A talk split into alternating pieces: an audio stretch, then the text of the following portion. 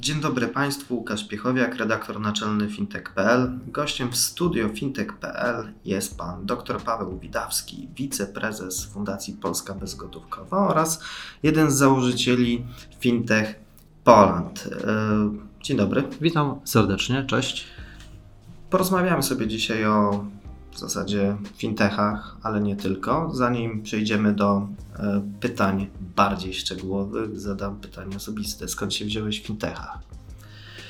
E, no to jest dobre pytanie. Ja od samego początku e, mojej działalności zawodowej pracowałem z instytucjami finansowymi albo ze startupami, bo też miałem w życiu szansę budować mój startup. Yy, pracowałem w Związku Banków Polskich, gdzie. Co się stało z tym startupem? Co się stało ze startupem? Yy, startup funkcjonuje, yy, nazywa się ewenea.pl i byłem, do zeszłego roku byłem właścicielem, współwłaścicielem tego startupu. Okay. Już, już, już nie jestem. To jest taka wiadomość interesująca. Mów, wspomniałeś, że pracowałeś w Związku Banków Polskich. Y, tak, w Związku Banków Polskich y, pracowałem w takim zespole, który zajmował się i wciąż się zajmuje y, usługami płatniczymi, bankowością elektroniczną, także bezpieczeństwem banków. I tam miałem szansę pracować już wtedy z fintechami na, na samym początku mojej pracy w 2004 roku, bo mm, działałem w, i współzakładałem forum technologii bankowych to takie ciało, które zrzesza firmy technologiczne, e, które e, tworzą i sprzedają technologię bankom, e, czyli można powiedzieć dzisiejszym językiem, że w pewnym sensie fintechy. Także w ramach Związku Banków Polskich od lat funkcjonuje Rada Bankowości Elektronicznej, czyli takie ciało, które pomagało bankom dokonać takiej pierwszej transformacji cyfrowej kiedy tworzyła się bankowość internetowa. A to zamierzchłe czasy chyba, tak? No, zamierzchłe czasy już chyba zamierzchłe, tak. Dekady?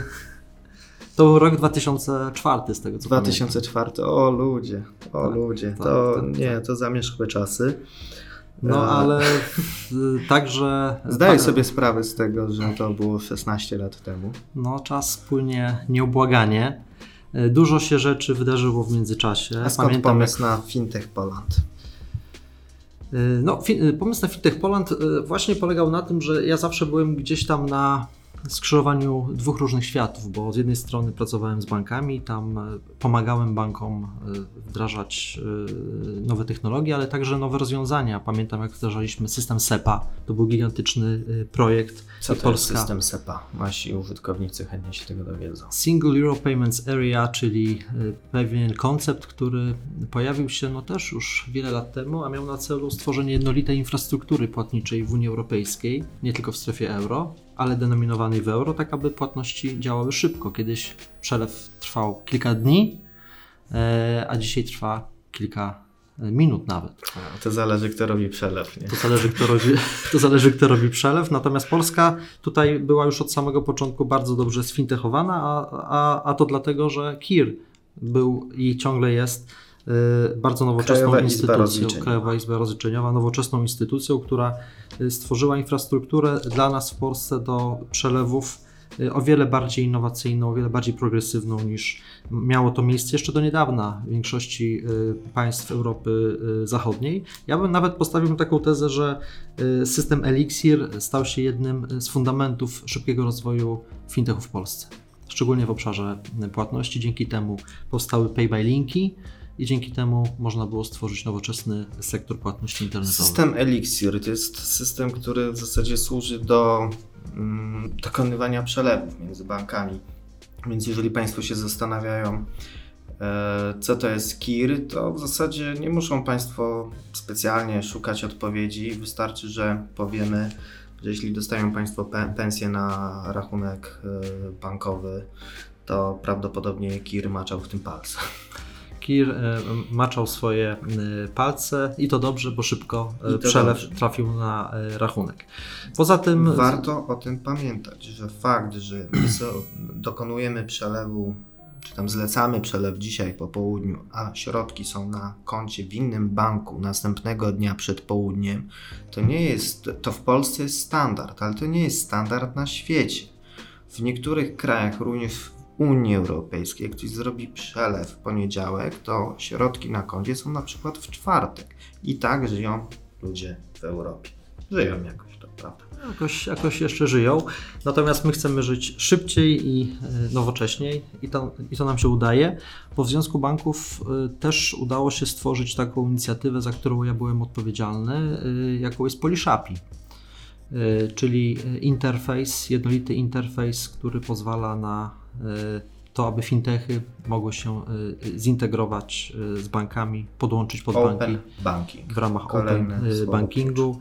Polishapi y, jest wciąż czymś nowym, co wymaga wielu optymalizacji, ale jest, ale mamy krajowy standard, który Wie- możemy rozwijać i udoskonalać. I Mówiąc- Nie, nie, nie wszyscy to mają, nie wszyscy to mają. Dobrze, to mówiąc wiele, wiele optymalizacji, e, no to jest ukryty przekaz, tak? Czy nie? Nie, to jest, y, to jest y, początek drogi, y, która biorąc pod uwagę zaawansowanie innych sektorów bankowych i tak wygląda bardzo, bardzo obiecująco w mojej opinii. Ale ja także... Nie jest najgorzej. Cieszmy się z tego, że mamy wypracowany standard i będzie jego jakość podnoszona z czasem. No i w sumie z tego należy się cieszyć. Ale kończąc ten wątek zamierzchłej przeszłości. Ty jako założyciel e, fundacji Fintech Poland na pewno możesz zdradzić mi plan, jaki macie na najbliższe lata. Fintech Poland to przede wszystkim fintech. I w 2016 roku, kiedy y, tworzyliśmy y, fundację, chcieliśmy stworzyć pewnego rodzaju platformę wiedzy, która pozwoli lepiej zrozumieć ten czas transformacji w sektorze finansowym. Obserwowaliśmy, y, jak dynamiczne zmiany zachodzą y, w innych krajach mm, świata w obszarze właśnie fintechu. Widzieliśmy, że tworzą się y, dedykowane organizacje, które tylko się zajmują innowacją finansową i które chcą zrozumieć, na czym to polega, jakie to będzie miało konsekwencje nie tylko dla pojedynczego, pojedynczej instytucji finansowej, nie tylko dla całych sektorów finansowych, ale także dla państw. I okazało się, że no, ta transformacja y, sektora finansowego jest y, wyzwaniem o charakterze no, takim strategicznym zupełnie. Dlatego chcieliśmy podnieść ten temat wyżej, tak aby ci, którzy podejmują kluczowe decyzje, y, zarówno po stronie sektora finansowego, jak i po stronie państwa, rozumieli wagę tego przełomu, w którym jesteśmy. I y, stąd y, wziął się pomysł na stworzenie y, Fintech Poland, bo współzałożycielem poza mną jest Piotr Brewiński y, i razem podjęliśmy się pierwszego projektu, jakim było raport Fintech w Polsce bariery i szanse rozwoju, który został zaprezentowany w 2017 roku. No i ten raport był chyba jednym z pierwszych opracowań, które w sposób dość precyzyjny pokazało, gdzie jesteśmy Polsce, jeśli chodzi o fintech, innowacje finansowe, ale też jakie mamy kluczowe bariery. I ten raport został dostrzeżony przez y, y, organ nadzoru finansowego i można powiedzieć, że wtedy zaczęły się pierwsze działania i powstała grupa robocza w KNF, która zajęła się barierami y, w obszarze innowacji finansowej.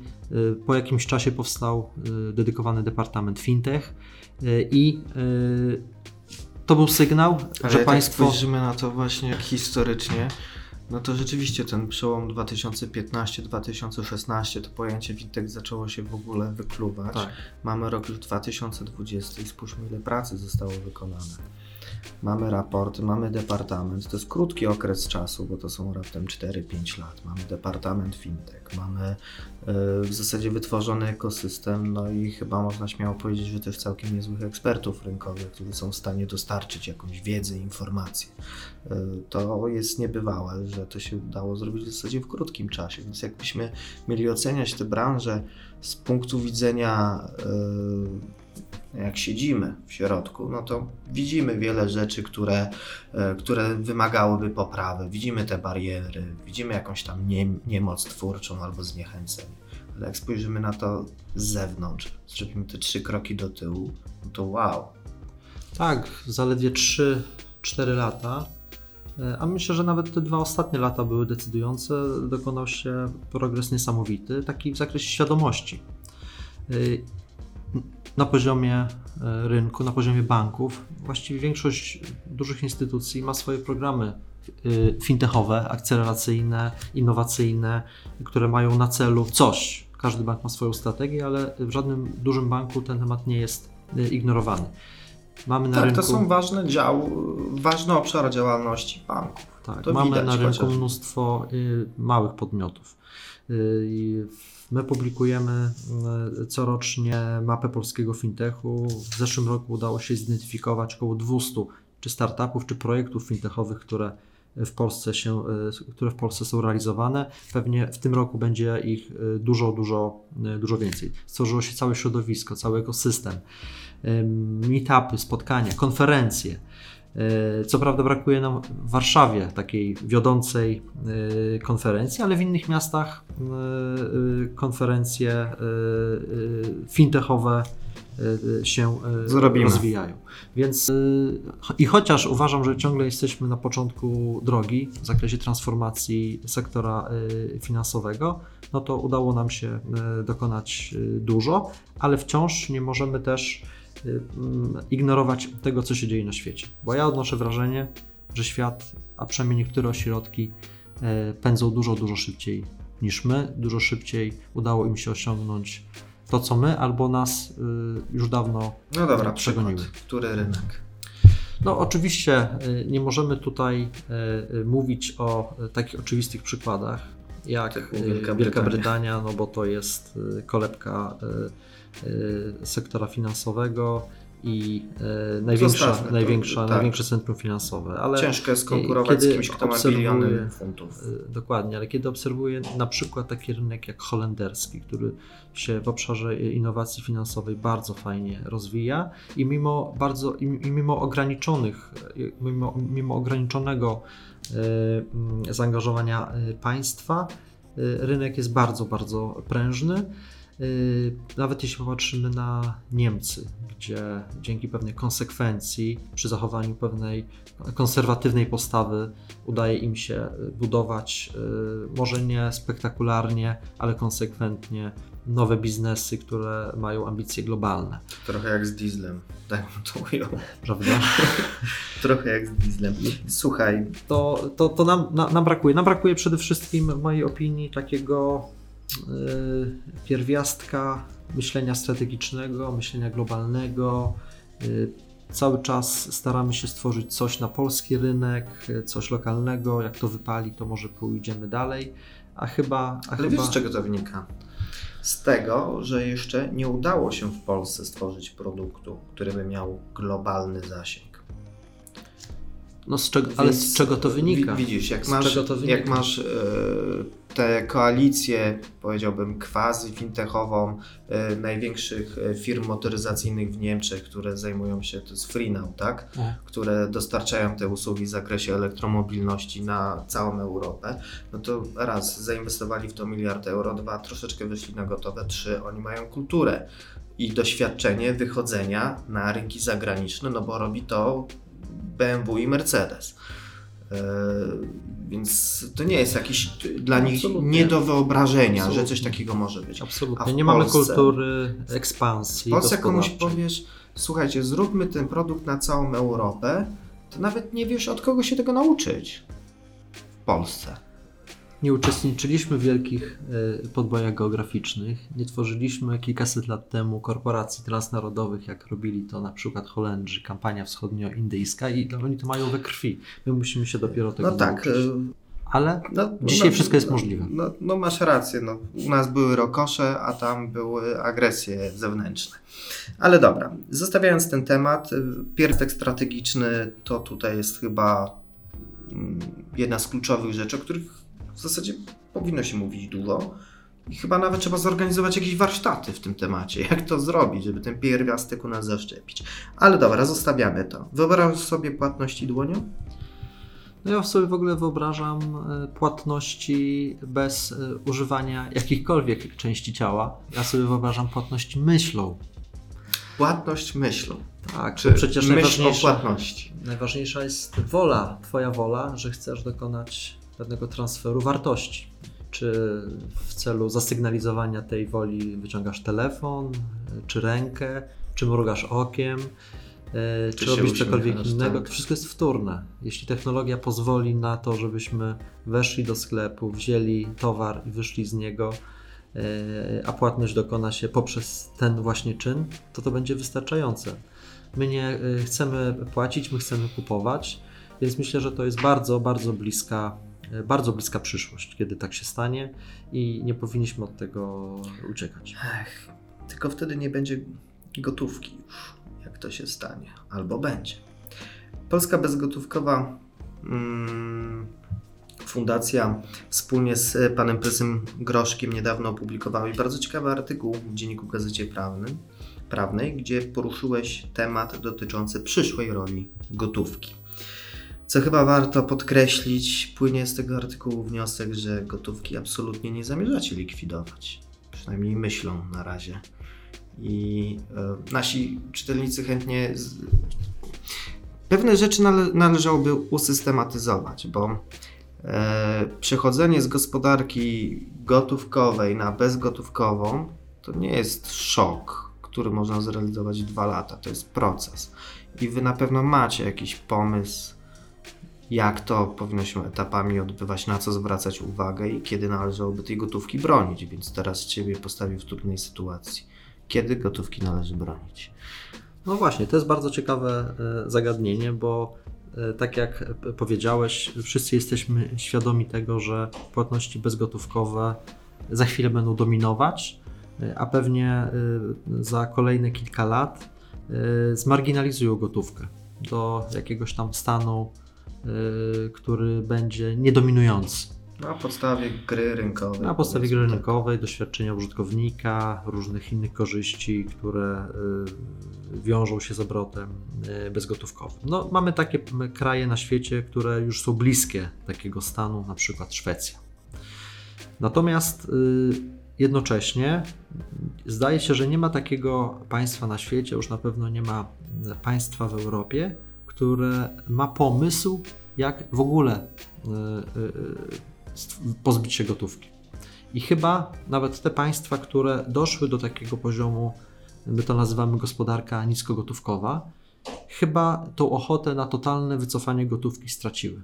Gotówka jednak dzisiaj, także w kontekście, w którym, w kontekście geopolitycznym, w którym żyjemy, który jest bardzo niepewny, może być pewnym asetem, może być pewnym wentylem bezpieczeństwa na okoliczność konfliktu zbrojnego, na okoliczność takiego niekonwencjonalnego konfliktu, gdzie nagle Straszne. wyłączy, wyłączony zostanie prąd. Na prawda? skutek braku prądu. Różne się rzeczy mogą y, zadziać, i y, wydaje się, że przyjdzie taki moment, kiedy państwo będzie musiało przygotować plan na okoliczność funkcjonowania w środowisku niskogotówkowym.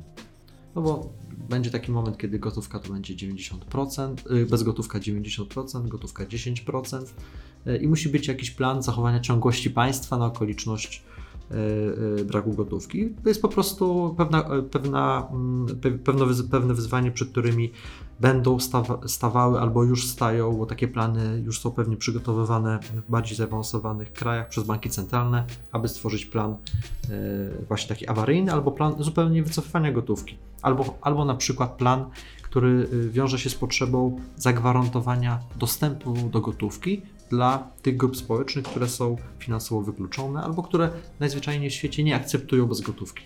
Tutaj też nie, nie może dojść do żadnych rozwiązań siłowych. Jeśli ktoś nie chce korzystać z płatności bezgotówkowych, raczej nie powinno się y, go do tego zmuszać.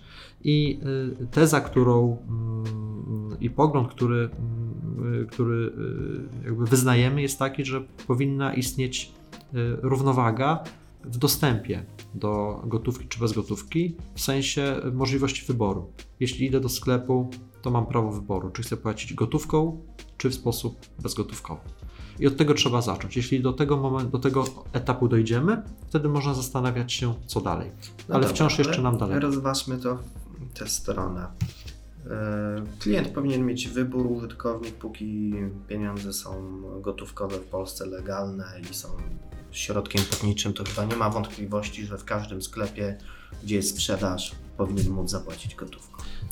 Nie ma wątpliwości, ale też warto zauważyć, że na przykład w niektórych miastach w Stanach Zjednoczonych, San Francisco, ostatnio w Nowym Jorku prowadzono regulację, która nakazuje sklepom akceptowanie gotówki i bez gotówki, znaczy akceptowanie także gotówki, bo coraz Tak, bo więcej oni sklepów wycofywało się, wycofywało Oni, się z płatności. Ale tam też inne powody były, tak bym to ujął. Dlaczego się wycofywały na przykład? Bo sklepu, który nie ma gotówki nie okradniesz.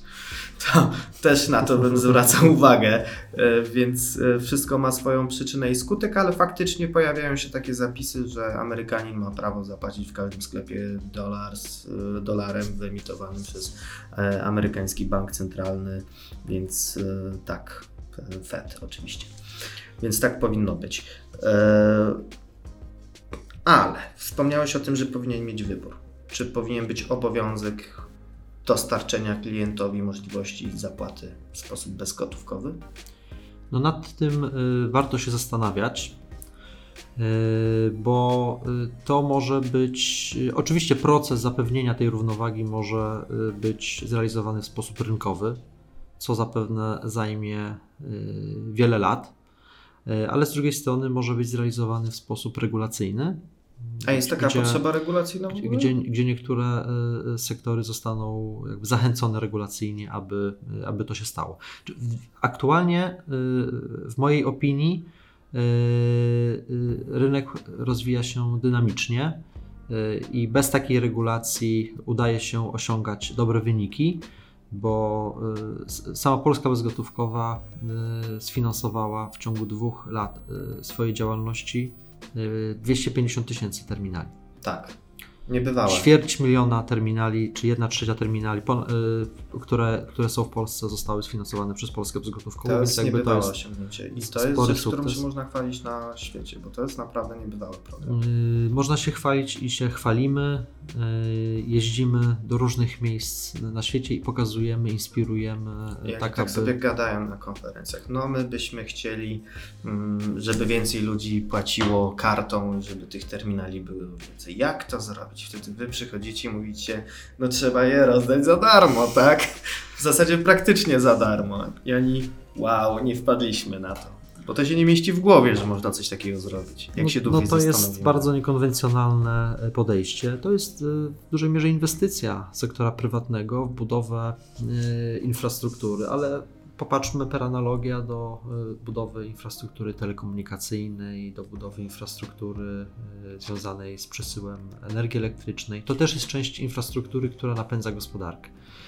Y, Pytanie, czy powinna istnieć, czy powinien istnieć obowiązek regulacyjny ze względów fiskalnych? Być może tak. Czyli walka z szarą strefą. walka z sza- szarą strefą. Oczywiście, jeśli e, chcemy faktycznie zagwarantować każdemu obywatelowi e, taką możliwość, aby mógł dokonywać w każdym sklepie płatność bezgotówkową, to taka regulacja e, byłaby wskazana. Dzisiaj taka regulacja dla przedsiębiorcy nie byłaby problemem, bo po pierwsze może otrzymać taki terminal za darmo, a po drugie rzeczywistość dzisiaj, a 2 czy 3 lata temu jest zupełnie inna także świadomości klientów. Presja konsumencka jest olbrzymia i faktycznie ci, te punkty usługowo-handlowe, które nie akceptują kart, cierpią z tego powodu, e, albo cierpią i nie są tego świadome. Po prostu mają mniejsze obroty, albo klienci omijają te punkty usługowo-handlowe. Tak, ja e, myślę, jestem w stanie, w stanie uwierzyć w to, że klienci omijają takie punkty, bo ja omijam takie punkty. Jak nie mam gotówki, nie zrobię tych drobnych zakupów. Nawet na większe nie chce mi się jechać, jeżeli nie ma płatności kartą. A ostatnio jak byłem w Brukseli, to chciałem wejść do utytułowanego pubu. Nie pamiętam nazwy, a nawet jakbym pamiętał, to bym Państwu nie powiedział, bo nie można tam było zapłacić gotówką, było cash only. E, W sensie kartą nie można było zapłacić. Przepraszam, wycofuję to, co powiedziałem. Było tylko cash only. E, Nawet nie wszedłem do środka. Nawet nie wszedłem. Więc e, urazili w ten sposób, myślę, że e, konsumenta e, wartościowego. Ale nie dla nich. Stracili klienta po prostu. Stracili, no nie jednego, tak bym powiedział. I to nie raz, jak znam życie. E, Nie będziemy rozmawiać o barierach do rozwoju fintechu, bo to w zasadzie Tu można zadać już teraz chyba tylko naiwne pytania. To zostało zmapowane, opisane, wszystko jest jasne i wiadome i nie jest to temat naszego podcastu. Zadam jedno proste pytanie na koniec. Jak sobie radzą fintechy w Polsce? I teraz w zasadzie dwa zdania mogą tylko paść. Ja myślę, że fintechy w Polsce dobrze sobie radzą, biorąc pod uwagę złożoność naszego ekosystemu, y, zdominowanego y, tradycyjnie przez banki, które są też tradycyjnie dość innowacyjne. Y, szczęśliwie fintechom udało się wytworzyć pewną kulturę, fintechom i bankom udało się wytworzyć kulturę współpracy, bo jeśli popatrzymy na mapę polskiego fintechu, to bardzo wiele instytucji i tych bankowych, i tych niebankowych kooperuje ze sobą. Jakby tutaj tu, to jest siła naszego, naszego e, sektora innowacji finansowych. I to, jest, I to jest na pewno wartość. To, co się nie udaje polskim fintechom, to budowanie skali, budowanie produktów o charakterze paneuropejskim czy globalnym a co się nie udaje bankom w obszarze fintech, to w mojej opinii znowu nie udaje się zbudować lekkiego, paneuropejskiego takiego challenger banku. Bo polskie banki są innowacyjne i chwalimy się tym, z chęcią z nich korzystamy, ale powstaje zupełnie nowa klasa challenger banków, które bardzo dobrze sobie radzą nie tylko w Europie, ale i w Polsce, zagranicznych banków Y, które zdobywają y, klientów bardzo szybko, szczególnie tych młodych. Y, I obawiam się, że polskie banki jeszcze nie znalazły odpowiedzi na ten fenomen, który ma charakter paneuropejski, a nawet globalny. I to może być duże zagrożenie dla polskich banków w długim okresie, jeśli same nie wytworzą podobnych konceptów. Mam nadzieję, że bankowcy słyszeli, że muszą wytworzyć takie koncepty. Dziękuję bardzo e, Pawle za to, że udzieliłeś odpowiedzi na moje trudne pytania. Gościem w studiu fintech.pl był pan dr Paweł Widawski. Ja nazywam się Łukasz Piechowiak i zachęcam do kolejnego odcinka, który już niebawem będzie dostępny na naszej stronie. Oczywiście również na Spotify. Wielkie dzięki.